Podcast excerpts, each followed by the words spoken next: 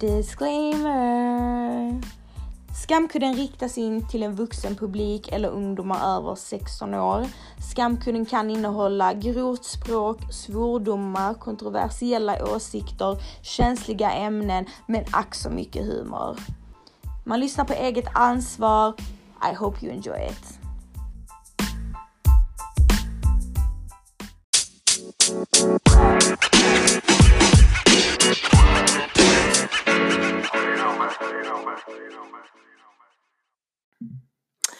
Hallå hallå och välkomna tillbaka till ännu ett avsnitt av Skamkudden. Hur mår ni mina söta hönor? Mår ni bra?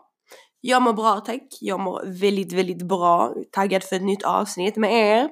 Så sätt er ner, vädra vaginan, luktar det så ta lite laktalbalanskapslar och bara kör vi in, lägger i sängen, lyssna på mig och bara slappna av. Har ni barn? Kanske sätt på dig ett par headsets, hörlurar eller vad fan som helst. Så, så kör vi igång. Hoppas allt är bra med er. Jag mår bra. Som ni kanske hör är jag förkyld igen. Jag fattar inte vad det, vad det är som händer. Jag, jag, menar, jag trodde också det för det, det är en förkylningsperiod nu. Men alltså jag känner så här. Det känns ju som att om man var sjuk för en månad sedan, alltså då väldigt, väldigt förkyld, så kanske man är immun om att bli förkyld i alla fall de närmaste månaderna. Men svaret på det är NEJ! NEJ! NEJ! Du blir ändå förkyld. Så är det och jag är ett levande bevis för det. Sen så kan det också vara så, alltså, men alltså jag vet inte, är det för att jag jobbar på sjukhus? Är det därför jag är sjuk oftare? För att jag utsätts av folks liksom bakterier och sjuka folk kommer. Vänta lite. Nina! Snälla du, du får inte köttbullar. Du vet vad som hände förra veckan med din jävla mage. I'm paying 7000 igen hos veterinären, det räcker. Tack. På tal om det, om jag ska bara avbryta mig själv. Alltså vet ni vad det kostade? Alltså första, vad heter det, Nino var ju dålig. Han hade ont i magen och man måste ju gå till veterinären. Man måste ju gå till veterinären. Alltså liksom. Jag vet ju inte vad det är. Det kan ju vara någon jävla mjälte som håller på att spricka. God knows. Så jag liksom krälar till veterinären. Och han, eh, vad gjorde de hos veterinären? De kände på hans mage, de vägde honom.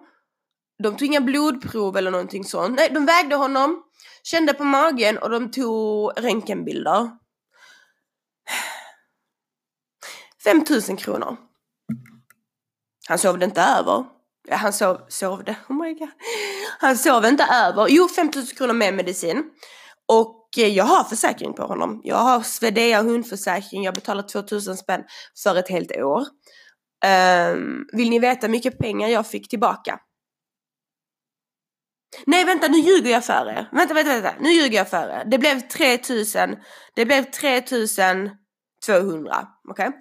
3200 för ja, två timmar hos veterinären. Det är ändå jävligt mycket pengar tycker jag. Och som jag sa, jag har eh, jag har eh, Swedea hundförsäkring, betalat för ett helt år och jag kände liksom, ja men fan vad skönt att man har försäkring. Vill ni veta hur mycket pengar jag fick tillbaka för försäkringen? Alltså vänta, ni kommer dö flabb. 152 kronor. Alltså vad är detta? Vad är detta? Vad betalar jag till? Tog jag nu 2000 kronor som jag betalade den jävla äckliga försäkringen för och bara stoppa upp i, i F-I-T-T-A-N. Alltså jag blev skitförbannad. Jag tänkte vad, vad är detta? Vad är det lönar ens att jag har en försäkring? Jag fick tillbaka 152 kronor. Nej men lyssna nu. Nu har de ju en självrisk. De har en självrisk man betalar var, varje, varje gång 130 dagar emellan. Så en gång per 130 dag betalar man en självrisk på 2800. Så på nästan 300, äh, 3000 spänn. Och då tänker jag, okej, okay, självrisk på 2300, 800. Eh, Vad är det lön jag har försäkring då? Så fick jag liksom ett svar då att ja men nästa gång du, du då, vad heter det, vi säger om han blir sjuk om en månad så kommer jag inte behöva betala självrisken för att jag har ju redan betalt den. Och det är ju bara var 130 dag man betalar den. Men herregud, hur jävla ofta besöker man veterinären? För det är fan inte mer än, alltså oftast är det ju inte mer än 130 dagar emellan. Vilka svin! Kan ni fatta? Det är ju inte mer, alltså du, du oftast, alltså om du har en relativt ung och frisk hund så besöker du inte veterinären mer än 130 dagar emellan. Alltså oftast, eller hur? Det är så. Så det där att de, alltså den självrisken, den, den, jag kan ju torka det i röven nu att, att, det, att det blir gratis nästa gång jag går till veterinären. Alltså jag kan slå vad om att han inte kommer behöva gå upp till veterinären kanske nästa år. Alltså jag blir så jävla... Och jag hade bara lust att säga upp den jävla försäkringen men nu har jag betalat för ett år. Så jag får ju ha den. Men eh, äh, det var ju, det var verkligen, verkligen skit skit. Det är Swedea hundförsäkring. Om ni har någon annan hundförsäkring som är bättre, som inte har sådana höga självrisker, jag vet inte om alla har det, så skriv in till mig på skamkudden så byter jag försäkringsbolag för att eh, jag tyckte det var jättefult. Eller inte fult så, men jag tyckte det var liksom väldigt det känns, det känns som att jag egentligen inte i så fall hade behövt en försäkring. För att, ja. För att det är som, så det, som det är liksom de enda gångerna, det, det enda som hade kanske lönat sig nu det är om Nino blev påkörd, okej okay, gud förbjude, han blev påkörd och han behöver operera sig för, 60, för 50 000 kronor, eller så 30 000. Då kanske jag hade fått, eh, eh, då hade kanske försäkringen hade täckt en del. Men typiskt sådana här vanliga situationer, typ sådana besök man som kanske man gör oftare, typ när hunden har ont i magen eller när någonting är osynligt fel, man vet inte riktigt vad det är och det är sådana lite kort besök med, med mindre undersökningar, då är det ju fan inte ens lönt att ha en försäkring för att du, du måste ju ändå betala allt. Du får ju knappt något tillbaka. Så ehm, ja, det tyckte jag var bra. Beep, beep, beep, beep, beep, beep, beep, disgusting!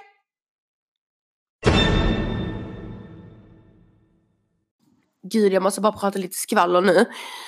Uh, kollar ni på YouTube, ja med mina jävla YouTube-kanaler, men alltså kollar ni på YouTube, ni vet vilka Ace Family är. Um, jag har ju tagit upp dem någon gång här i, i podden och det är då en familj, Ace Family, det är Austin, det är Catherine, det är, och det är deras två eh, små döttrar. Och eh, ja, de har ju verkligen byggt upp sin kanal, de har typ så 17 miljoner uh, eller inte 17 miljoner, men de har jättemånga följare på, på YouTube. Eller subscriptions, subscribers kanske det heter. Um, många av er vet säkert redan vem jag snackar om. Och jag har ändå kollat på dem ett tag och typ inte så att jag är värsta fan utav dem men jag liksom tycker de, ja men de, de, jag tyckte om deras innehåll så att säga. Men nu har det kommit ut värsta grejen om dem, oh my god. Alltså det har varit så lite lite rykten, för det här, det här, om du kollar på deras videos så är det liksom, det är en idyllisk familj, alltså det är typ, allt är helt perfekt liksom.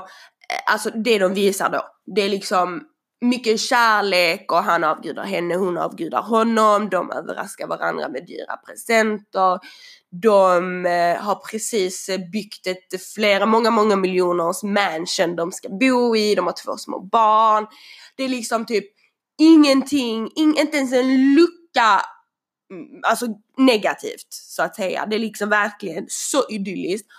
Och nu, jag har ändå märkt så, alltså jag är, jag är rätt, alltså inte för att vara så, inte för att vara så, jag vill absolut inte skryta, men jag är jätteduktig på att läsa av människor. Alltså jag kan, alltså bokstavligt, jag lovar dig, du, jag, jag kan vara med en människa fem minuter och jag vet exakt vad det är för person. Och eh, lyssna nu här. Jag har ändå jag har ändå tyckt, du vet så, jag har ändå haft någon konstig känsla när det gäller just han Austin, mannen, killen i familjen. Och jag har haft sån lite känsla för att när han, du vet, både hans bror och hennes bror eh, har också YouTube-kanaler. Så att de syns ju lite hos varandra och, och så. Och så har jag sett någon, något YouTube-klipp där Austin syns i något, på någon annans kanal. Och liksom personligheten han har i den, de videorna som inte är hans egna är helt annorlunda. Han verkar väldigt så typ ja, men nästan lite kontrollerande, lite så typ. Inte alls den glada, positiva, snälla, perfekta killen som han verkar vara när han, i hans egna videos. Men jag tänkte så skitsamma, du vet, det är kanske bara jag som har sån konstig känsla av honom. Att det är liksom, av hela familjen har haft så lite typ jag vet att det finns folk som har jättebra och det är inte alls omöjligt att de kanske har så bra som de verkligen har det. Men att det var ändå någonting med dem som sa mig att men det är någonting, det är någonting. Alltså de har ju haft några skandaler här och där och det har inte varit några större så skandaler utan men alltså de har ju så himla stor fanbase på så många miljoner att det är lätt att när det händer saker eh, som typ uppmärksammas så tystas det ner ganska snabbt för att de har så mycket fans. Alltså de har liksom eh, alltså för mycket fans som, eh, så det negativa det är liksom bara floating uh, out in the air typ. Men nu har det kommit fram lite grejer som har liksom, alltså bokstavligen, the Ace family is cancelled. De är liksom, det är slut med dem. Lyssna nu här. Alltså Hollywood, eh, liksom den inre cirkeln av Hollywood, det är typ som Malmö. Alla känner alla, alla vet vad alla har gjort, alla vet vad alla gör. Så det är liksom, det, det, det är liksom en sån cirkel. Så det har ju gått runt ganska länge att då, att då han eh, Austin, som han heter, att han inte är den perfekta killen och pappan som alla, alla tror. Och eh, att han har setts ute med tjejer och liksom så. Men det har inte blivit någon större uppmärksamhet kring det för att det liksom inte funnits några bevis utan det är mest det ryktet som går runt i Hollywood. Och eh, tills nu. Så nu har tjejer eller snarare tre tjejer, klätt, klätt fram, trätt fram och berättat. Och, ehm, och då kanske ni tänker, äh, men dessa tjejerna kanske bara vill ha pengar eller uppmärksamhet. Nej, nej, nej, nej, nej, utan dessa tjejerna har hållit på detta väldigt, väldigt länge just för att de inte vill få denna uppmärksamheten. För när det gäller Ace Family, alltså deras fanbase, den är liksom, de äter upp dig. De äter upp dig, du får dödshot, du får liksom det, du kan inte Alltså försök att pilla någonting med den Ace-familjen, du kommer att bli ihjäl, du kommer att bli uppäten. Så det här, dessa tjejerna då som har något att berätta har liksom hållit, hållit sig tillbaka. Men den ena tjejen då är vän med en youtuber och denna youtubern, jag vet inte riktigt vad han heter, jag minns inte riktigt vad han heter, men det är en kille som, alltså han är inte jättestor youtuber men han har ändå följare, han känner de flesta och de bor alla liksom där. Um, och eh, hon berättar då till honom och han säger, men vet du vad, du kan vara anonym och jag går ut med det. Så han gick ut med det. Och let me tell you, det här var det sjukaste. Så att eh, han, eh, Austin och Austins pappa som också syns ganska mycket i kanalen. Eh, Austin, Austins pappa och några andra basketspelare, de var i Miami för ja, tre månader sedan och det stämmer, de var i Miami och eh, de gick inte, hon Catherine följde inte med. Och det är det en, ytterligare en grej folk tycker är skumt, hon följer aldrig med honom. Liksom, han hade en, ett, en födelsedagsfest med massa tjejer och hit och dit och hon var inte där. Så bara det säger att deras förhållande är lite, hmm, lite skumt. Um, mm, och eh, vad heter det, nej, One thing led to another. Sms kom ut med Austin gällande Austin och eh, en annan tjej. Eh, det är då DMs och hon har till och med filmat, alltså som screen recordat det och liksom klickat in på hans profil. Så det, hon visar ju att dessa meddelanden är riktiga. Och där han har skrivit, um, han i princip gör en audition med henne på, på Instagram DM. Uh, eh, gällande hennes tjejkompisar, vilka hon får ta med och inte får ta med beroende på utseende. Och han bara skickar en bild på henne, skickar en bild på henne, nej jag vill inte ha henne, jag tar henne, la la la. Det var då när de förberedde sig inför att åka till Miami tillsammans. Så han, gift man med två barn med en skitvacker fru som väntar där hemma, åker med sin äckliga pappa då till Miami och eh, de har fest. De festar, de dricker, de har eh, hyrt en eh, båt med då tre tjejer och Ehm, de bokstavligen dricker ner dessa tjejerna. Sen så kommer de in i deras hotellrum eh, på kvällen och äcklar sig. Och det här är det var det äckliga börjar. Att eh, den ena av Austins vänner, ändå NBA-player, han, ehm, han faktiskt våldtar en av tjejerna. Oj, så ehm, är det en tjej som twittrar då på Twitter, ja var annars. och Ehm, hon, och då vid det här laget har denna, några dagar senare, alltså folk hade redan luskat fram eh, vilka tjejer det var, de, de, vilka tjejer det var. För de var ju anonyma i början, det var ju den här killen då som gick, gick ut med den informationen. Men som ni vet, det går, inget, det går inte att hålla någonting hemligt. De, är så, de har så pass mycket följare att dessa följarna hade ju, de hittade ju dessa tjejerna. Och, ehm, och då kom hon och då twittrade hon och jag tycker det, det, denna, det inlägget hon twittrade var väldigt, väldigt misstänksamt. Och då sa hon eh, i något sätt med att um, typ att ja, men hon ångrade väl lite, att, eller hon tyckte inte det var så jättebra att det just då det var en annan som gick ut med den informationen och inte de själva. Eh, men att ehm, Austin inte var den som våldtog och ah, detta är inte Austins fel. Och man märker på inlägget att hon betonar mycket att det är inte Asien som har, som har våldtagit och det är inte Asiens fel. En av dessa tjejerna då. Och eh, någonstans där känner jag det var lite misstänksamt och jag har en sån känsla av att det är nog han som har sagt till henne eller betalat henne eller någonting för att det här bokstavligen vände helt upp och ner på hela deras existens. Så ehm, ja, i alla fall för mig är det ganska oväsentligt om det var han som våldtog eller inte. För att bara det att hela denna grejen att han tog, han eh, med sina äckliga vänner plus sin äckliga pappa som sagt tar tjejer, betalar, liksom köper tjejer eh, går och festar i Miami, har, bor i ett och samma hotellrum som tjejerna. Um, allt det där för mig är bara så jävla äckligt och det visar ju att deras, deras pass, och, de, och det sjuka är att de låtsas som ingenting. De låtsas som ingenting, eh, hans fru låtsas som ingenting, de liksom Nej men de liksom typ lever vidare och jag tror faktiskt nu, för nu har man ändå fått se ganska mycket bevis, jag tror nu att deras familj som de har, det är nog mer ett varumärke. Och det märker man mer och mer att det kanske är så att de är inte så jävla kära, de har liksom, men de har ett bra liv tillsammans. Förstår ni vad jag menar? Så de har liksom skapat dessa, detta stora, stora miljondollars varumärket som då är, som kallas Ace Family. Um, och det liksom är för bra för att bara släppa fastän de är, ehm, fastän de, alltså fastän de har det så bra. Eller hur fan, vad fan snackar jag om? Men ni fattar vad jag menar. Det är inte att deras förhållande, de leker så himla kära, de leker så himla att de, de älskar varandra hit och dit och sånt men att det kanske inte är, det kanske inte är så, det kanske inte är det, det kanske inte är så, det kanske verkar Varför kan jag inte prata? Varför kan jag inte prata? Vad är det med mig? Varför? Vänta, sex laxar i en laxax, sex laxar i en laxax, sex laxar i en laxax. Sju, sju sjömän, sju sjömän, okej. Okay. Det jag ville komma fram till var då att efter hela den här grejen så har det kommit ut, eh, alltså fler och fler tjejer har hört av sig och of course det kommer ju alltid vara tjejer som, som hittar på liksom så här men jag tycker just i sådana här lägen och det, det gäller inte bara på, på sociala medier utan överhuvudtaget i sådana här lägen ska man alltid lyssna på offret.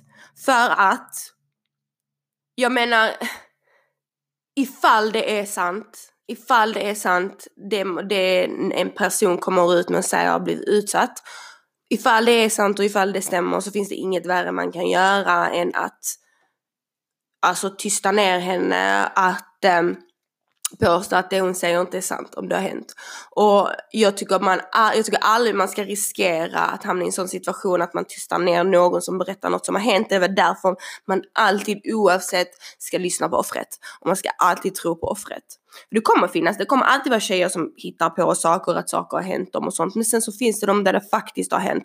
Och om man då är den personen som liksom ifrågasätter allt och, och är skeptisk till allt så kommer, man, kommer det hända en gång att man, att man gör det till fel tjej. Så enligt mitt tycke så tycker jag alltid man ska lyssna på offret och man ska tro på offret tills motsatsen är bevisad. Um, nej men fler och fler personer har hört av sig och liksom trätt fram och, och faktiskt berättat att uh, Catherine och Austin har, Catherine vet mycket väl om detta och hon vet mycket väl om Och det är inte de första tjejerna han liksom går ut med och han är ett äckel liksom. Han är, han är en uh, womanizer och han är liksom gillar att gå ut och festa och att de har inte det där perfekta förhållandet. De har lite mer av ett öppet förhållande. Och det summar ju ihop att nu förstår man att allt det, och jag är faktiskt lite besviken för nu tittar jag på typ Ace, The Ace Family på YouTube och nu liksom, alltså det är förstört för mig. Alltså det är förstört, jag kan inte, nu ser ju jag falskheten, typ att det där är inte alls, det är ju bara skådespel. Det är inte deras liv överhuvudtaget. Så um, nej, så jag tror verkligen att han har skjutit sig själv i foten. Och att um, jag tror att det kommer nog aldrig bli som förut med deras kanal och deras karriär. Överhuvudtaget nu när folk vet att det här, det är bara phony. Det är bara phony, hela deras liksom, liv.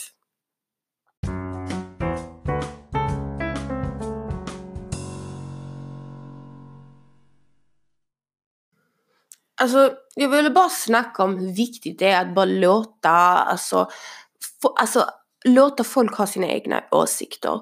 Det är mycket så typ att jag märker av att det är väldigt många som inte liksom så fort någon inte delar åsikt med dem så typ, ah, nej jag kan inte vara vän med denna människan på Instagram eller nej jag kan inte följa denna människan på Instagram. Uh, eller att de inte kan vara vänner med folk som har andra politiska åsikter eller alltså en annan tro eller ja vad som helst.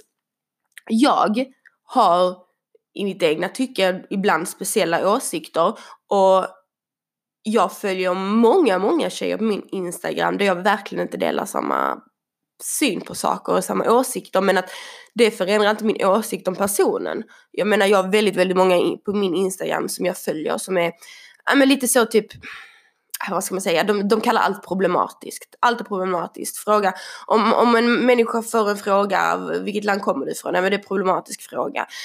Um, typ, uh, alltså massa så, du vet allt är problematiskt och man, man ska hitta någonting, något samband med, med rasism och samband med, med problem, problematiska grejer hela tiden och att man får inte fråga så mycket för att det alltid kan någonting länkas med något problematiskt. Och eh, jag personligen är inte sån. Jag tycker att eh, man ska inte gräva, gräva i saker och kalla saker kränkande som egentligen inte bör, behöver vara kränkande. Att man liksom, man, man jag vet inte, man gör listan kortare och kortare på vad man får säga och inte får säga och till slut får man inte säga eller göra någonting för allt är problematiskt. Um, och jag tycker sånt är jättelöjligt. Jag tycker det är väldigt, väldigt, väldigt löjligt. Jag menar, jag har frågat folk en miljon gånger i mitt liv, var är du ifrån? Var, var härstammar du ifrån? Var är dina föräldrar ifrån? Och det, det finns ingenting i den frågan som jag, där jag har känt att jag vill veta av någon negativ anledning. Förstår ni vad jag menar? Och typ att det är problematiskt ifall man, ifall man eh, beskriver vad en människa är ifrån Eh, om man ska beskriva att man gick förbi en jättekonstig kille eh, som gjorde någonting konstigt så kanske jag säger nu gick förbi en, alltså det var en asiatisk kille och han kollar skitkonstigt på. Alltså, förstår ni vad jag menar? Att bara det att jag menar inget illa med att jag säger att han är asiatisk, det är bara en beskrivning på människan. Men att det också ses som problematiskt. Och jag tycker det är väldigt, väldigt löjligt. Och kan man bara sluta se negativa grejer i saker som inte behöver vara negativt. Förstår ni vad jag menar? Um, allt måste inte vara negativt. Jag menar, jag såg att det var en, eh, en, eh, ett par svenskar, en, en grupp svenskar som hade ett kalas eller en party där de hade arabiskt tema och alla klädde ut sig till araber eller ja, vad man ska säga. Det var någon som la, inte som en sjal, sjal utan bara så liksom över huvudet och någon hade turban och, och detta blev ju jättehypat och det blev, de fick så mycket skit för att de liksom klädde ut sig till en annan etnicitet och liksom, alltså de fick så mycket hat. Jag tycker det är så löjligt, det är så himla löjligt för så var de att det är ingenting det är ingenting som ha handlar om deras politiska åsikter eller har med rasistiska åsikter att göra utan det var bara en grej. Det är samma sak som jag ska att asiatiskt tema och vi alla en sig kimono och jag um, sminkar mig som man gör i Kina och vi sitter och vi äter kinesisk mat. Och att det då är problematiskt och rasistiskt. Alltså varför hela tiden gräva i rasiststämpeln? Måste man hela tiden, får man inte göra någonting här i världen? Jag tycker det är så jävla löjligt. Herregud, och jag tror knappast, jag har så mycket arabiska vänner, jag tror knappast, och det sjuka är det ju inte araberna som tar illa upp. Utan det är dessa svenska, eh, svenska eh, vänsterpartister, kommunister som liksom eh, tycker allt de ser och hör är problematiskt liksom. Nej men alltså att eh, det, det, du får ju inte, du får inte klä ditt barn i rosa och du får inte tycka det och du får inte tycka vissa grejer och du får inte fråga vissa grejer och allt ska vara så jävla politiskt korrekt. Snälla kan ni bara leva lite? Lev lite, sluta. När du ser, när du ser en sak kan du snälla låta det bli ett problem innan det blir ett problem. Varför sitta och måla dessa, dessa mm, samhällsgränser, dessa eh, linjer över hela samhället, vad man får säga och inte säga, vad man får göra och inte göra. Tycker jag i alla fall. Eh, jag tycker att eh, det, det är nog en av mina favori, eh, mina värsta ord, mina, mina minst favorit det minst, hur säger han? Det ord jag ogillar mest, det är ordet problematiskt. Okej? Okay? För det är sånt riktigt copy-paste ord som alla använder sig av och tycker de låter jättesmarta när de använder det ordet. Ah, det är problematiskt. Det är problematiskt. Men du låter, inte, du låter inte smartare än någon annan för du använder det ordet utan du låter precis som alla andra som är som det är som liksom ska tycka allt är, det är fel på allting och det är fel liksom, du får liksom inte anse eller tycka någonting. Så um, nej, att fråga någon var människan är ifrån, det betyder inte hej, du är annorlunda, du, du är sämre än mig. Um, jag frågar dig nu för att jag vill veta, liksom, för att jag vill markera att du är dålig. Alltså hur kan man, hur kan man dra det så långt? Hur kan man få en sak att bli en helt annan sak? Jag förstår bara inte. Och samma sak typ när man felkönar folk. Okej? Okay? Att det är liksom jätteproblematiskt att jag antar vilket kön en människa, en människa tillhör. Du, det är, inte, det är inte problematiskt. Det är något automatiskt i vår hjärna som händer. Att, att vi är liksom programmerade så här att vi liksom utan vi, att vi tänker efter när vi ser en person och vi sen ska prata om personen så kommer vi använda den personens pronomen så som hur vi ser personen. Så vi säger nu om jag har en person framför mig som ser ut som en kille, klär sig som en kille, låter som en kille och sen att jag säger ja men du eh, ge, ett, ge han ett glas vatten. Det är en automatik. Det är en automatik i mitt huvud att, äm, att jag liksom ser han som en han. Uh, och att det då är kränkande och att det då är problematiskt. Alltså men snälla någon, får jag, får jag inte ens, jag får ju till, jag får inte, an, jag, så jag ska gå runt och fråga alla, du vad har du för pronomen? För jag vägrar att säga hen. Det tänker jag inte göra. Jag tänker inte säga hen för att jag inte vet någon.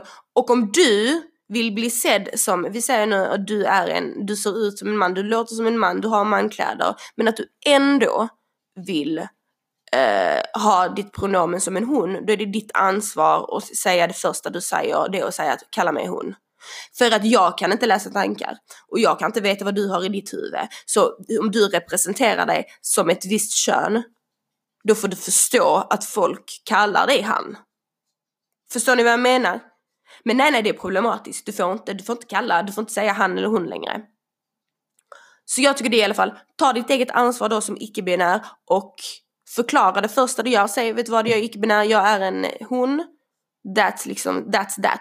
Sen kan man heller inte ta illa upp när folk råkar felköna. Jag menar, som jag säger, det är programmerat i våra huvuden. Om jag står då och snackar med, med, en, med en tjej som ser ut som en tjej och jag säger, kallar henne för hon då är ju inte det för att jag vill vara elak mot henne. Det är inte för att jag inte vill eh, det är inte för att jag inte respekterar henne, det är inte för att jag liksom på något, det, det är inget negativt utan det, det är ren automatik.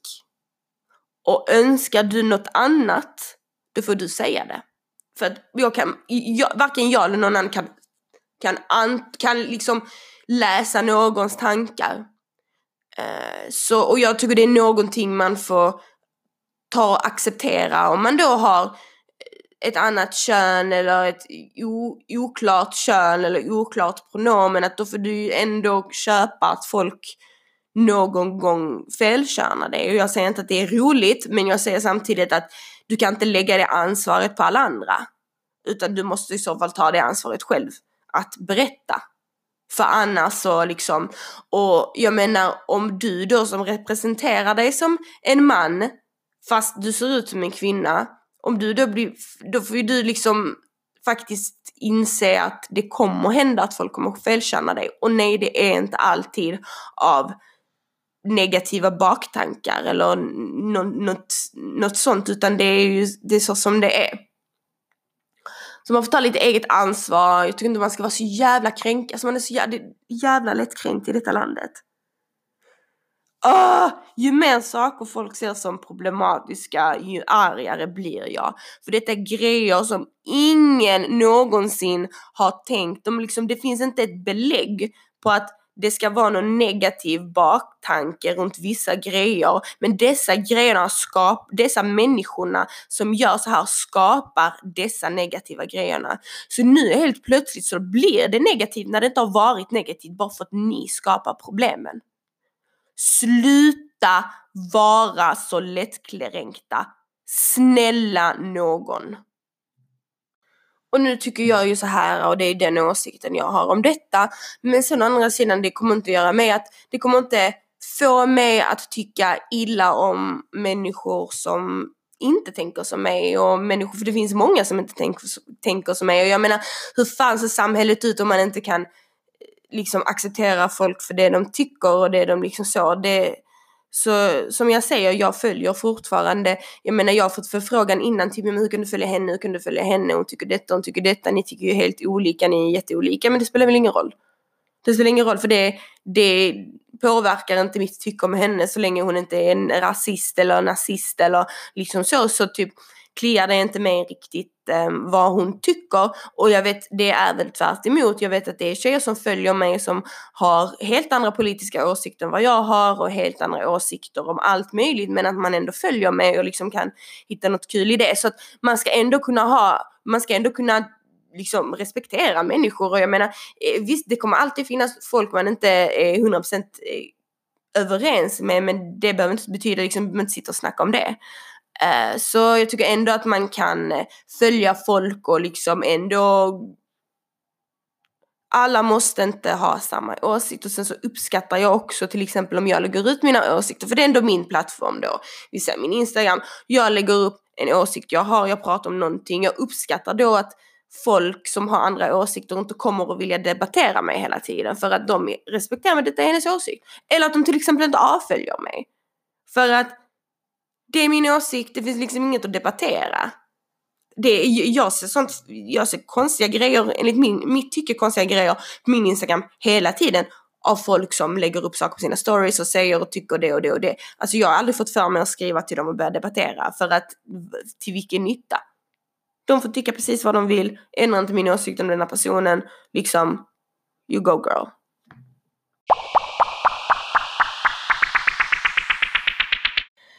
Jag är faktiskt ganska stolt över mig själv jobbmässigt. Jag, alltså jag tycker verkligen om mitt jobb. Jag älskar mitt jobb. Jag tycker verkligen jag hittade rätt jobb för mig. Um, ett jobb där jag aldrig liksom är fullärd utan hela tiden nya grejer, nya saker som, um, som man har lärt sig. Och uh, jag tänker bara tillbaka för ett år sedan när jag började där att jag liksom hade fullständig panik för att det här är så svårt, det här är så mycket att göra, det är liksom så mycket jag ska lära, äh, lära mig. Um, och nu, ett år senare, har jag kämpat, jag har kämpat så jävla mycket för att bli duktig och för att liksom kunna visa framfötterna på mitt arbete. Och nu eh, tänkte jag tillbaka och tänkte, nu är jag handled, nu liksom, har jag fått ändå den typ eh, vad heter det, tilliten, inte tilliten, men jag har fått det ansvaret att jag, jag är någons handledare eh, som är ny på jobbet. Och jag har liksom bara jobbat där ett år men att folk ändå ser att jag är duktig och att jag kan lära ut en ny tjej. Så det är faktiskt, jag är väldigt, väldigt stolt över mig själv. Så hela förra veckan så hade jag en, en person som gick bredvid mig och eh, som jag lärde och liksom det var skitkul. Alltså det var verkligen jätte, jätteroligt. Det var kul att lära ut och även fast det är väldigt, väldigt tufft och det var tufft för den här personen så var det, mm, så är det, så är det faktiskt ganska roligt och jag är väldigt, väldigt stolt över mig själv. Och det är väldigt viktigt att att ni också typ acknowledge, acknowledge, acknowledges, att ni typ, ja men ni kommer på, sig, ni kommer på er själva när ni, när ni gör något bra. Så nu att jag kom på mig själv och jag tänkte tillbaka, fan ändå shit, det har bara gått ett år och jag har ändå blivit så pass duktig på mitt jobb. Um, och att man stannar upp och faktiskt belönar sig själv ibland. Uh, och det gäller alla. Det gäller alla, det behöver inte vara arbete, det kan vara som mamma, som vän, som flickvän, eh, till sig själv är ens vanor. Att man liksom tänker tillbaka och inte hela tiden det är inte hela tiden så mycket fokus på vad som ska hända, vad måste hända, vad måste jag bli bättre på, utan faktiskt ibland stanna upp och, och klappa sig själv på axeln och bara liksom you go girl. Hallå, det var skitgrymt av dig, fan vad bra liksom. För att de allra, allra flesta, om man faktiskt sätter sig ner och tänker igenom, det behöver inte vara en stor grej, det kan vara en jätte, jätteliten grej. Men att man kommer på, faktiskt, man kommer oftast på någonting i alla fall. Nog om det. Vi kör vidare. Vi har frågor att besvara och vi har grejer att prata om. Roll with me. Jag börjar med lite lyssnarfrågor. Um, Hej, det skulle vara så kul om du kunde berätta lite om hur det är att podda. Hur länge poddar du? Redigerar du mycket? Tack för en grym podd. Tack själv gumman och jag är glad att du tycker om podden. Um, ja, hur det är att podda, det, det är roligt, det är kul.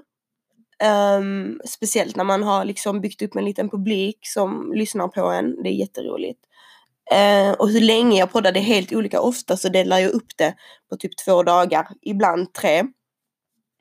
Uh, just för att det inte ska bli, um, alltså ja det tar ju tid. Det tar ju tid, ibland måste man ta om vissa grejer och ibland så Nej, så jag delar upp det typ, jag börjar kanske på fredagen och så lite på lördagen och så kanske avslutar jag lite på söndagen.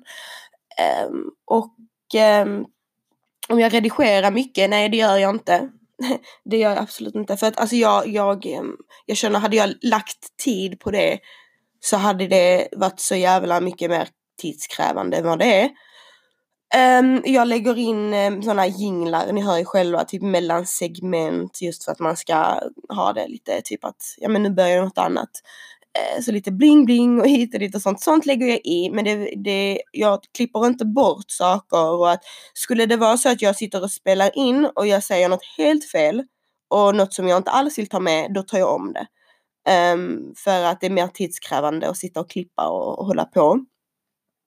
Men så, som ni hör att alltså, anledningen till att ni hör mycket att jag säger fel och jag kanske börjar stamma eller någonting sånt. Tro mig, exakt alla som youtubar eller poddar gör det. För att det är väldigt speciellt att sitta och prata in i mikrofon och prata liksom, du tänker på vad du ska säga och, och därför så får man lite sådana tongue twists ibland. Eh, men problemet är att alla redigerar ut det men jag gör det inte. Ehm, för att ja, ni förstår, så länge ni fattar vad jag menar. Det är liksom, ehm, eh, men om du har funderat på, på att göra, starta en podd så go for it. Det är jätteroligt men hitta någonting, hitta en nisch, hitta någonting du vill prata om. Det finns alltid folk som delar samma intresse som dig. Och eh, ja, jag menar jag har nischat mig i tjejsnack förhållanden, problem, alltså vardagssnack, mycket så typ en tjejdagbok. Det har jag nischat mig i och då blir det mycket roligare att podda också. Um, så, men på ett avsnitt kanske jag lägger ner, ja, tre timmar. Nej, två timmar. Ibland tre. Alltså det har varit att jag har spelat in långa, långa segment på en halvtimme, timme som jag sedan har raderat som har blivit liksom oväsentligt. Så det är mycket sånt, men det är roligt. Så ja, det var svaret. And, jag vill bara lägga till, keep it real. Bli inte en phony som många, många andra eh, som både poddar och gör YouTube. Till exempel en fågel viskade i mitt öra, ni vet eh, han Smile som gör eh, den Sex med Smile-podden. Alltså att de kryddar sina, alltså de hittar på frågor till sig själva. Eh, har jag hört, så jag inte att det är sant. Eh, jag vet inte om podden finns fortfarande, men när det var den sex med eh, smile så, så skrev man frågor till sig själv. Um, och då tycker jag att då är det nästan inte ens lönt att podda om man känner att det, man behöver behovet av att skriva frågor till sig själv. För då, då hade jag, det hade ju tagit på min självkänsla tror jag. Eller tagit på min stolthet snarare. Jag hade kommit på mig själv, jaha nu sitter jag här och, och kryddar frågor till min egna podd. Hmm, det hade inte känts riktigt rätt. Så um, håll det äkta, folk kommer märka det. Jag menar, det kanske är svårare, det kanske tar längre tid att grinda det, när det gäller allt, både Instagram och Youtube och podd. Det kanske tar mer tid um, när du är äkta, det tar mer tid, det tar mer tid att bygga upp, det tar liksom uh, du måste kämpa på ett annat sätt men det lönar sig i slutändan för människor är inte dumma i huvudet. Människor märker när något är äkta och när något är falskt. Och det är därför jag tycker om, det är därför jag blir så glad varje gång jag hör att ni säger till mig att den här podden är så äkta, den är liksom äkta. Det gör mig, det gör mig glad för det är exakt det jag vill att den här podden ska vara. Är det ett avsnitt jag får två frågor då kommer jag läsa upp de två frågorna, jag kommer prata om något annat. Jag kommer aldrig i mitt liv sitta och hitta på saker. Jag kommer aldrig i mitt liv sitta och ljuga i podden och säga och hitta på frågor och sånt. Jag hade skämts. Tyvärr. Det, och sånt hade märkts väldigt, väldigt tydligt. För jag märker tydligt på Instagram när folk skriver frågor till sig själva, gör konton och, och prisar sig själva. Så när folk gör sådana skumma grejer, typ, det typ känns som att en 14-åring hade kunnat göra det och inte vuxna människor. Eh, men det är så de liksom tar sig fram i sociala medier. De måste liksom fejka det mycket. Så ja. Just keep it real honey boo boo. Nästa lyssnarfråga. Hej fina! Har varit tillsammans med min kille i tre år och vi båda är muslimer. Han är kurd och jag alban. Min bror såg oss tillsammans och berättade till min pappa. Min pappa pratade med honom om att vi måste förlova oss då vi gjort det värsta man kan göra innan giftermål. Och han sa att han inte vill vara med mig och nekade oss när familjen samlades och pratade om detta. Pratade även med hans mamma men hon skiter i helt och klappar sin son på axeln medan hon säger att allt är mitt fel. Vi har inte pratat sedan dess och jag mår fett dåligt. Vad kan, vad kan jag göra? Um, så du menar att det är din kille som, uh, vad heter det, som inte då vill gifta sig och liksom inte vill ha, inte vill förlova sig? Alltså vet du vad du ska göra? Du, du, du ska göra det och slänga honom. Herregud. Han har ju visat väldigt klart och tydligt att han inte är något för dig. Och um, jag menar, det är jävligt, jävligt fult utav honom att så fort liksom det börjar bli seriöst så backar han. Men samtidigt så ska du tacka honom, du ska framförallt tacka din pappa för detta. För att nu har det ju kommit fram att liksom det kanske inte, han kanske inte var ute, ute efter att vara speciellt seriös. Och eh, det visade sig nu. Så det enda du ska göra det är att du ska inte prata med honom och du, alltså du får se detta som ett breakup. Um, och jag tycker du, alltså du förtjänar mycket, mycket bättre. Mycket, mycket, mycket bättre. Um, som sagt, även om du fortsätter välja, fortsätter att träffa honom i smyg utan att förlova dig så vet du ju ändå att han har, att han inte har några planer med dig. För att han inte liksom vill. Sen kan det ju vara också så att han inte är redo, det, kan, det är också förståeligt. Men om han ändå har rejectat dig så tydligt framför familjen och sånt så liksom och jag menar skit i hans mamma, hans mamma har inte med saken att göra och hon kan ändå, du, jag tror mig du inte, du vill inte vara med någon du måste övertala att vara med dig. Du ska inte behöva gå och prata med någons mamma för att personen inte, för att personen liksom sticker. Du vill inte ha, behålla en kille på det sättet och det kommer bara få dig själv att må dåligt. Så jag tycker att du ska, du ska ta det, du ska försöka gå vidare från honom och eh, inse att det finns fler fiskar ute i vattnet, ute i vattnet. Och det, det finns någon för dig där ute men det kanske inte var just han. Um, så jaga aldrig kärleken, den kommer komma till dig när du minst anar det. I, I promise, jag lovar. Hej fina! Detta är inget bekännande eller något, men jag tycker verkligen att du ska ta upp i podden hur vissa influencers på Instagram med superkroppar leker helt flitiga med träning och så vidare. Det vill följarna ska tro att man kan uppnå den kroppen med enbart träning, när sanningen är att det är gjort BBL och diverse Eh, diverse andra skönhetsingrepp. Detta är en del i hela hetsen kring skönhet och det är ingen som tar upp detta fenomen. Unga tjejer med svag självkänsla som testar på att träna och inte ser liknande resultat på sig själva mår ju ännu sämre på grund av detta. Detta hycklarbeteende måste ut. Ja, jag håller med dig till, till fullo. Och um, jag menar så öppen som man kan vara med sin träning kan man ju vara öppen med sina ingrepp också. Och att helt ärligt, enligt mig, du kan aldrig fejka en BBL. Det syns att det är falskt. Jag har aldrig i mitt liv sett en tjej som har gjort sin röv där det inte ser äkta, där det ser äkta ut. Och ehm, och det gäller bara att, eh, att man måste sprida budskapen om att vara woke, liksom ifrågasätt det du ser. Tro inte att allting är äkta och allting är liksom för att de, de visar ju det de vill att du ska se. Och Ehm, man målar ju gärna upp en sån fasad på sociala medier att oh, träna och vara nyttig hit och dit och sånt men de går och liksom skulpterar sin kropp. Så ehm, nej, det gäller att ehm, sen så jag vet 100% fråga mig. Alltså kolla här. Jag vet, jag kan slå vad om att om nio månader, om exakt, exakt nio månader så kommer BB 11 vara jätteute. Alltså det kommer vara det typ. Jätteute. Eh, så nej. Jag håller med dig och det handlar inte bara om träning och, och sånt utan det handlar om hela den här influencer grejen och att jag vet inte men samtidigt är det också, det är också på, eh, på andras ansvar vilka man ger uppmärksamhet. Ibland kan jag titta på folk som har mycket följare och bara ifrågasätta och bara tänka shit, hur fan har denna personen så mycket följare? Det enda hon visar upp, det är hennes samarbeten.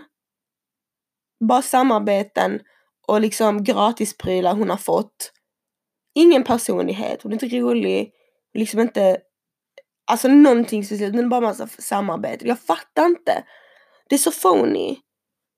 Och sen så ser man, det är så jävla, man ser igenom, det är så jävla tydligt. Typ gumman, när du sitter och gör fucking eh, reklam för mjukost eller mjölk eller en leverpastej eller typ, eh, eh, ja, vad kan det annars vara? Det kan vara eh, ett par färgade linser när man vet att du aldrig haft på dig ett, färg, ett par färgade linser i hela ditt liv. Alltså det är så liksom genomskinligt och jag tror det tänder, alltså folk blir avtända av det. Jag blir det i alla fall när jag ser tjejer liksom göra allt för att ha ett samarbete och liksom även samarbeta med sådana jättekonstiga grejer som de egentligen inte använder. Um, så ja, nej till alla er unga tjejer där ute. Tro mig, allt är inte som det ser ut. Och jag kan säga så här, den där snygga kroppen du ser på Instagram, den är inte lika snygg i verkligheten. Det kan jag slå vad om till 110 procent. Och sen så, tro mig, det finns flera sätt att fixa röven på. Det behöver inte bara vara, det behöver inte vara implantat, det kan vara gud, gud vet. Så var, var kritisk när du, när du konsumerar sociala medier och liksom tro inte på allt du ser. Um, det är viktigt att sprida det budskapet och att um, och, och till er också som gör ingrepp och som fixar sitt utseende, ert utseende.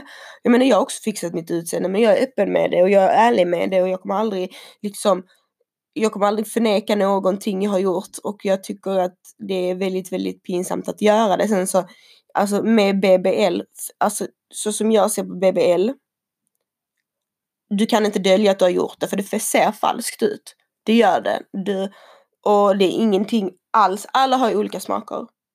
Alla har så olika smaker på vad som är snyggt och vad som inte är snyggt. Jag tycker inte BBL är snyggt.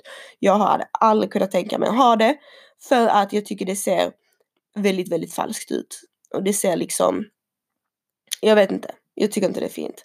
Och jag inte, tycker inte det är fint på någon annan heller. Men samtidigt så respekterar jag alla som har gjort det. Det är liksom, det, det, är din kropp, gör vad du vill med din kropp. Jag menar de har säkert massa grejer jag gör som de tycker är skitfult. That's okay. Så ja, som sagt, var kritiska tjejer mot det, det ni ser. Okej, okay, så nästa fråga är väldigt, väldigt lång.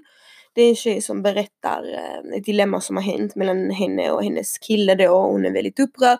Så texten är jättelång och det är även sms jag ska läsa upp och sen så ska vi prata utifrån, utifrån det. Så jag hoppas att det inte blir alldeles förvirrande. Jag har inte läst detta än så att jag vet inte vad det står. Men, men jag ser att det är ganska mycket så jag hoppas att annars får jag dela upp det liksom i, i, i segment. Så vi ska kunna ge ett så bra svar som möjligt på denna frågan. Och den lyder så här. Hej bästa Natta! Jag har ett dilemma som jag skulle vilja att du tar upp som en fråga i podden. För mig är den ganska viktig att få svar på så fort som möjligt. Vi veta vad du tycker och tror om detta dilemma. Jag ska försöka beskriva kortfattat eftersom historien är ganska lång. Dilemmat handlar om en kille som jag skrev med en kort period och från början började jag märka att det var något skumt med honom. Jag har endast skrivit med han och pratat i telefon. Jag bor i en mindre stad och han bor i Göteborg, skriver hon inom parentes. I början de första dagarna, inom parentes, när vi skrev eh, i chatten på Snap öppnade han upp sig väldigt fort och skrev att hans ex var otrogen mot honom. Han började kärleksbomba mig väldigt tidigt och ville ses tidigt. En gång skrev jag En gång skrev jag Kommer inte träffa dig om du följer nya tjejer på Insta hela tiden för då verkar det vara oseriöst för mig. Han skrev då helt random om sitt ex efter jag ifrågasatt varför han mer eller mindre följer nya tjejer varje dag på Instagram. Han skrev att jag kan lita på honom för att han själv har blivit bedragen tidigare. Han drog ett tydligt tyck, tyck synd om mig kort. Varningstecken, killen skriver att han har blivit bedragen av sitt ex. Dagarna går och vi fortsätter att höras vardagligen. Han kunde skriva kärleksfulla ord, meningar, fina ställen som vi skulle besöka tillsammans i Göteborg och han kallade mig Bay och överöser mig med kärlek. Han kärleksbombar. Eh, han kärleksbombar och så skriver hon inom parentes. Varningstecken, vanligt att en narcissist psykopat gör. Han är 26 och jag är 24. Han skriver i ett tidigt skede dessa meningar och formulerar sig bokstavligen exakt som mitt ex gjorde när han manipulerade mig för tre år sedan. Mitt ex var en riktig narcissist med psykopatiska drag. Han bor även i Malmö och det var för över tre år sedan jag började och det var för tre år sedan jag började kolla dina lives där du pratade om dessa smutsiga killar och destruktiva relationer. Så grym som du är har jag följt dig sedan dess och du har hjälpt mig väldigt mycket med dina kloka tips. Åh älskling! Åh. Jag fortsätter. Vänta. Um, jag började få en dålig magkänsla under tiden när jag skrev med den här killen från Göteborg. Jag drömde även om mitt ex under tiden jag hade kontakt med Göteborgskillen. Och det har jag inte gjort sedan jag gjorde slut med mitt ex har varit med om traumatiska händelser och det kändes som att mina drömmar ville säga att GBG-killen är som mitt ex, en narcissist slash psykopat. Efter mitt ex litar jag, aldrig på min, litar jag alltid på min intuition och all kunskap inom ämnet kring dessa smuts har jag väldigt lätt att läsa och jag har väldigt, ja det har resulterat i att han har väldigt lätt att läsa av dessa idioter. Så. I detta fall endast i skrift och in real life hur en narcissist beter sig slash manipulerar. Kontakten slutade genom att jag en kväll var ute och festade och han jobbade. Han jobbar på Tullverket i Göteborg. Han skrev att jag gjort en deal med, äh, han, skrev, han skriver att han gjort en deal med sin chef och att han ska sluta eh, och att han ska sluta några, vänta, eh, förlåt jag tappar, jag tappar bort mig. Ja, han skriver att han har gjort en deal med sin chef och att han kan, och att han kan sluta några timmar tidigare. Anledningen till detta är att han har ont i huvudet och i magen. Han drar ett tyck synd om mig kort. Redan här hade jag en dålig magkänsla av att han ljuger och efter att han har skrivit gulliga saker hade jag frågat om vi kan prata i telefon. Jag ville gå ut från festen för att prata med honom. Han skrev att han ska försöka sova och att vi hörs dagen efter. Under natten efter festen skriver jag, ha så kul med tjejen du är med. Dagen efter skriver han att han inte orkar mer. Han vill inte ha kontakt med mig eftersom att jag inte verkar lita på han och därefter blockar han mig överallt. Äh, vänta lite. Det finns, en del, det finns en del skumma saker som han skrev på sms som jag kan skicka till dig privat. Han både ljuger och manipulerar. Han lovade han lovade exempelvis att ringa mig men det hände aldrig och anledningen till detta kommer du se i vår sms-konversation. Jag hoppas att detta meddelande inte blev för långt att läsa. Um, att detta meddelande inte blev... Vänta. Jag hoppas att detta meddelande inte blev för långt att läsa, men jag vill verkligen ha din bedömning på denna killen och denna situation. Dina kloka tips har alltid hjälpt mig. Okej, okay, så nu ska jag läsa igenom då smsen hon har eh, med honom. Och det är ganska mycket. Så jag ska börja här. Vänta lite.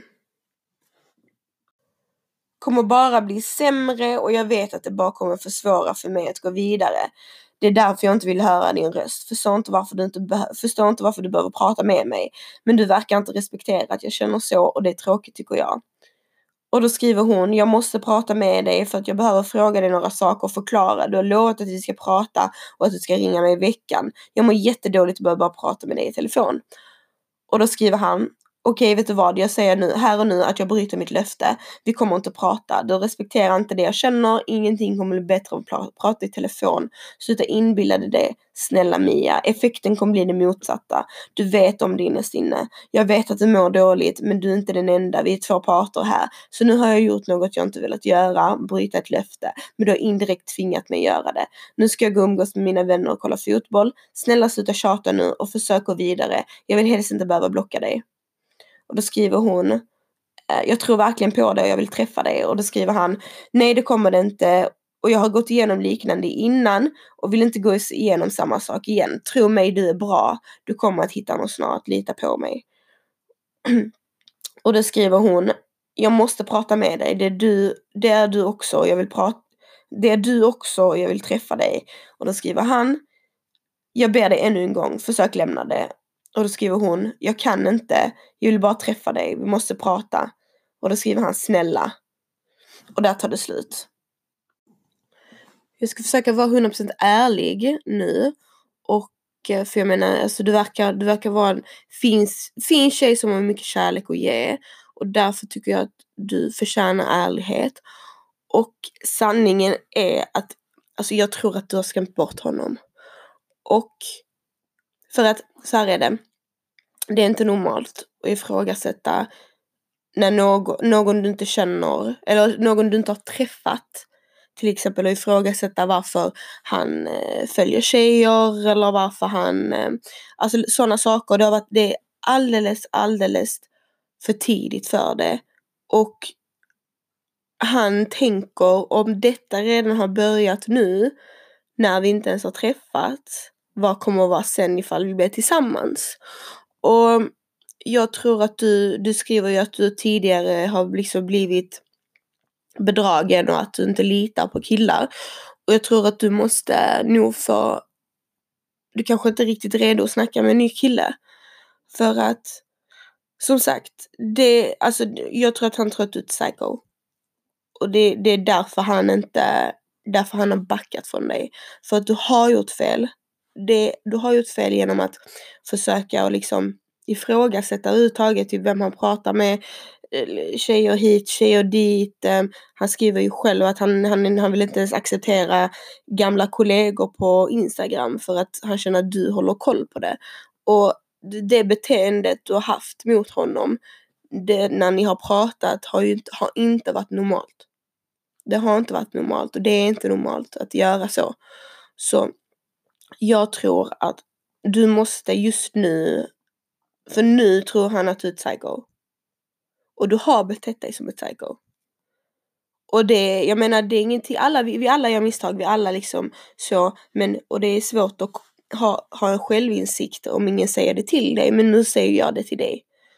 Och det är av ren välmening. Och jag tycker att du ska släppa honom lite. Och vill han börja prata med dig så kommer han göra det. Men att du kan inte tvinga honom att prata med dig. Du kan inte tvinga honom att träffa dig och du kan inte tvinga honom till något. Ni har inte träffats. Det vill säga att ni känner egentligen inte varandra så jättebra. Ni har snackat lite. Men när man inte har träffats och även när man har träffats ett ganska långt tag så har man inte, man har inte fått den rättigheten än att, att ifrågasätta den andra. Um, och det har liksom varit alldeles, alldeles för tidigt du har gjort det. Så det är egentligen inte så jättekonstigt att han har backat och att han har liksom, nej men han känner att det är too much.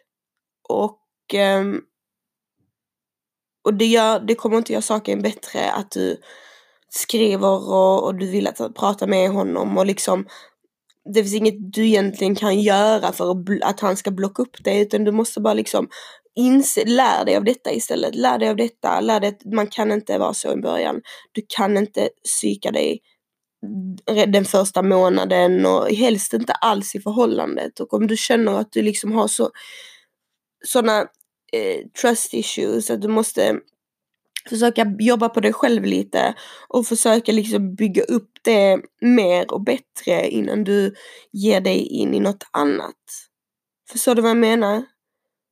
Och att detta är inte världens undergång. Vi alla, som jag sa, vi alla gör såna här äh, tabbar kanske och liksom man lär sig utav det och nu får du lära dig utav detta.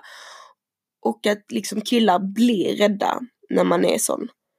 Och det är inte, och det hade inte varit bra början på ett förhållande att hålla på så. Det är inte alls bra början på ett förhållande och, och sitta och ifrågasätta. När kommer du hem? När gör du det? Vem är du med? Ehm, eh, um, var, vem är hon tjejen? Varför följer jag? förstår att du frågar för att du inte vill vara med någon fuckboy. Men det blir inte bra. Det blir inte bra och det är liksom du startar förhållandet väldigt, väldigt, väldigt fel.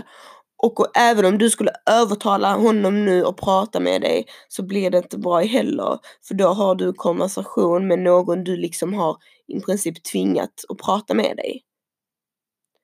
Så det du måste göra, det du måste släppa det lite, du måste ligga lågt och du måste liksom tänka efter. Typ att okej, okay, ja, jag har, jag har blivit bedragen en gång men jag kan, inte, jag kan inte hålla på som en kille som jag inte känner.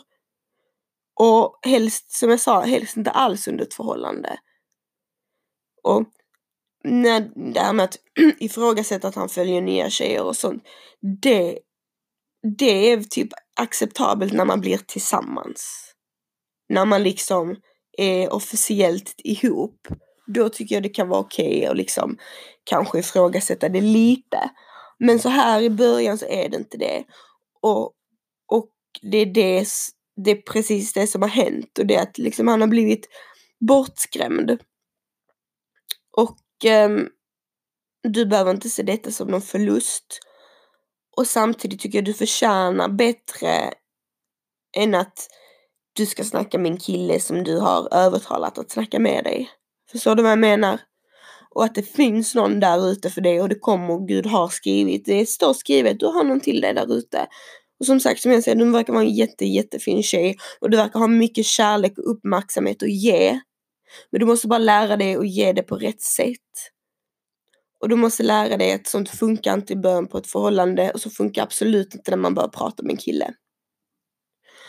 Och då spelar det ingen roll vad du har gått igenom, för det ska egentligen inte påverka ditt nästa förhållande. Och jag vet att det är lätt att det gör det. Det är lätt att nästa förhållande blir påverkat av vad man har gått igenom tidigare. Men man måste, måste, måste tygla sig.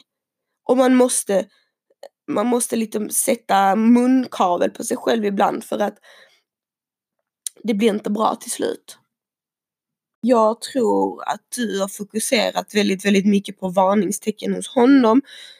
Saker du tycker är misstänksamt och liksom du har överanalyserat honom så pass mycket att du har glömt bort hur du själv är.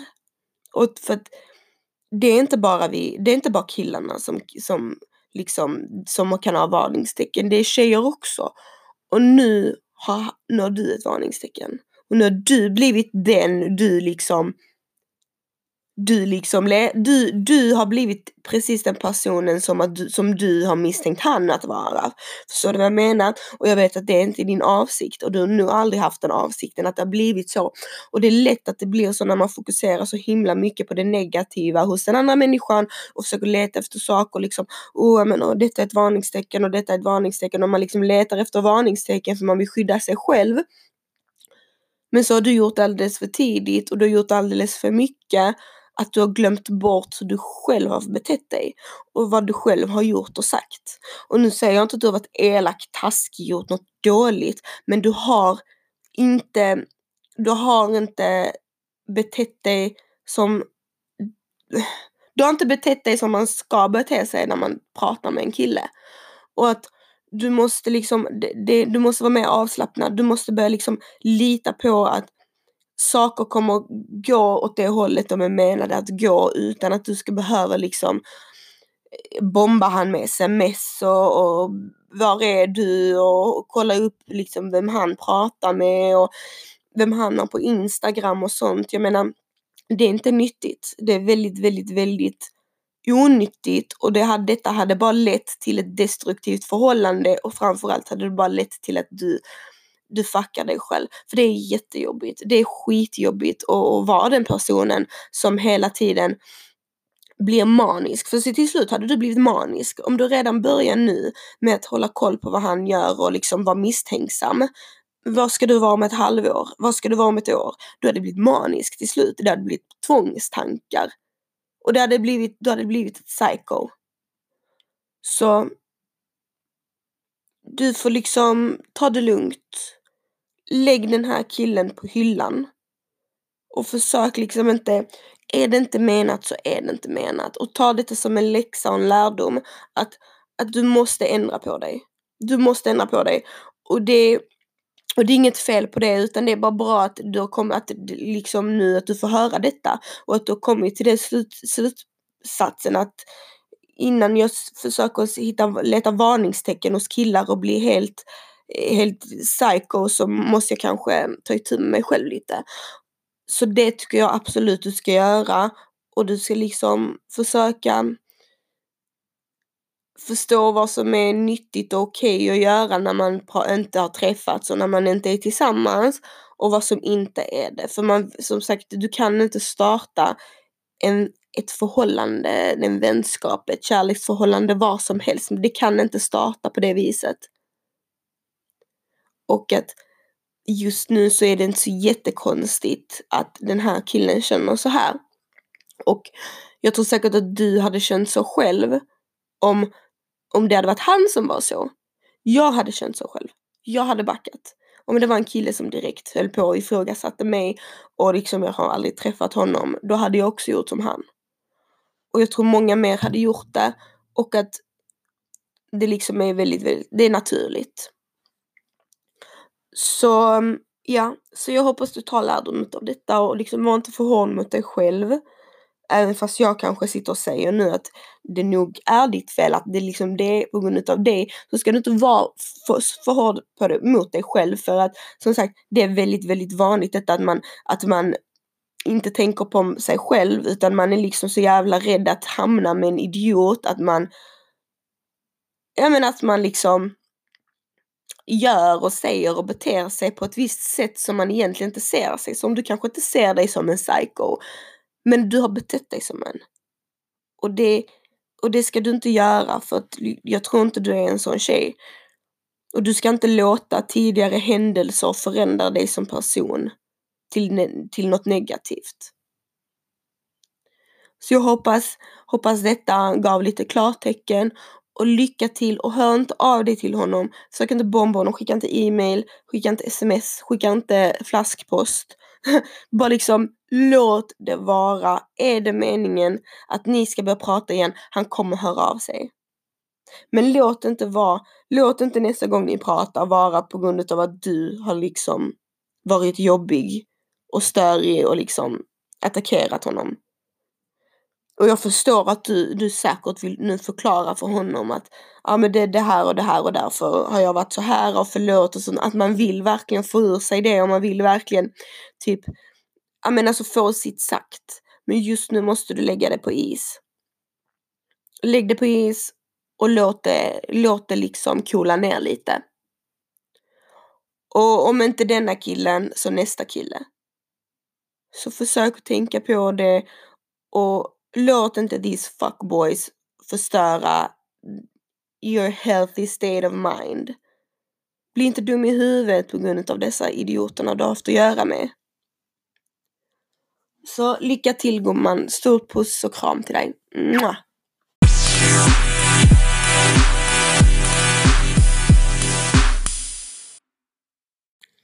Okej då, vi kör nästa. Jag skickade in angående min kille som sitter inne och börjat sätta regler och vara kontrollerande. Han är ute om två veckor. Tips på hur man håller sig borta. Gjorde slut med honom för cirka två veckor sedan. Gumman, alltså blocka, blocka, blocka, blocka, blocka hans vänner, blocka hans mamma, pappa, farmor, blocka hans telefonnummer, jag vet inte om han har telefonnummer när han kommer ut. Han kommer ta kontakt med dig och det är bara att blocka.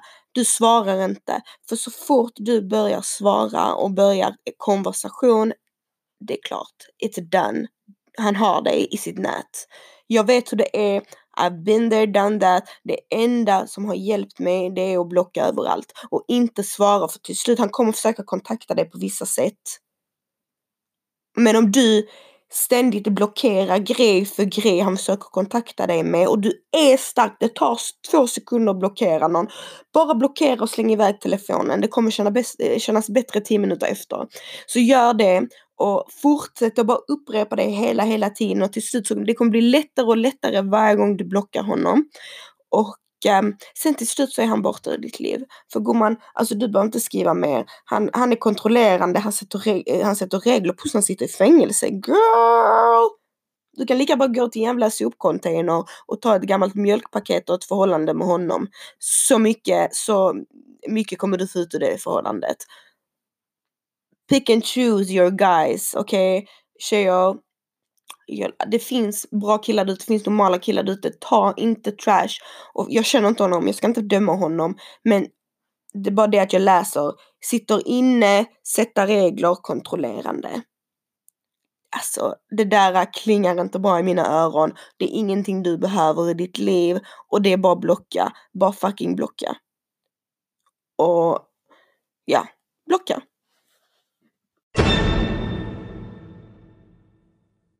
Det finns några frågor till på telonym som jag inte har besvarat och era frågor kommer jag besvara i nästa avsnitt så jag har inte glömt er, jag har inte läst och iggat er, jag, jag ser er och jag kommer svara i nästa avsnitt så vi inte bara kör allt nu på detta avsnittet så kan vi inte lägga, så kan jag inte lägga ner mycket tid, tillräckligt mycket tid på era frågor.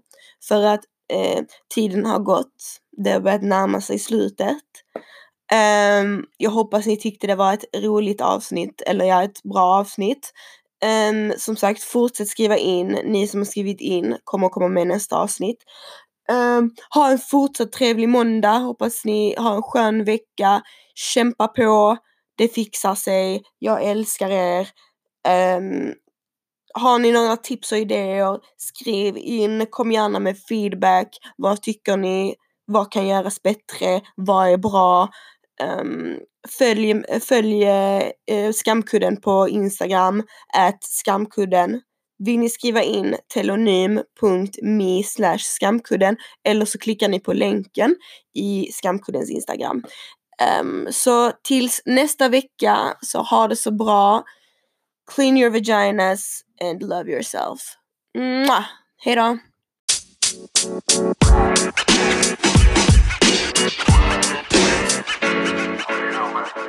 You know.